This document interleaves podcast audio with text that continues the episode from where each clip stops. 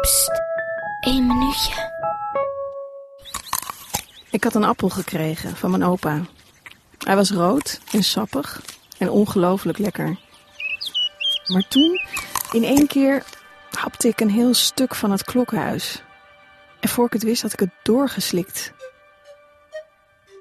Opa keek me aan met een grote grijns. Je hebt de zaadjes ingeslikt, zei hij. Straks groeit er een appelboom in je buik. Ik dacht, die klets maar wat. Maar na een paar weken kwam er uit mijn rechter neusgat een dun groen sprietje. En niet lang daarna begonnen er uit mijn oren takken te groeien. Het was echt ontzettend onhandig om een t-shirt aan te doen. Maar als ik de straat op ging, had ik wel veel bekijks.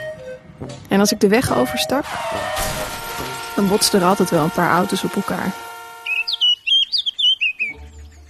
Tegen de tijd dat het zomer was, had ik een flinke kruin, vol bladeren. En op een dag zag ik ertussen iets bungelen. Een dikke, rood glanzende appel. Ik wou net mijn tanden erin zetten, toen ik me opeens bedacht. Opa, zei ik. En ik hield de zoet geurende appel onder zijn neus. Deze is voor jou.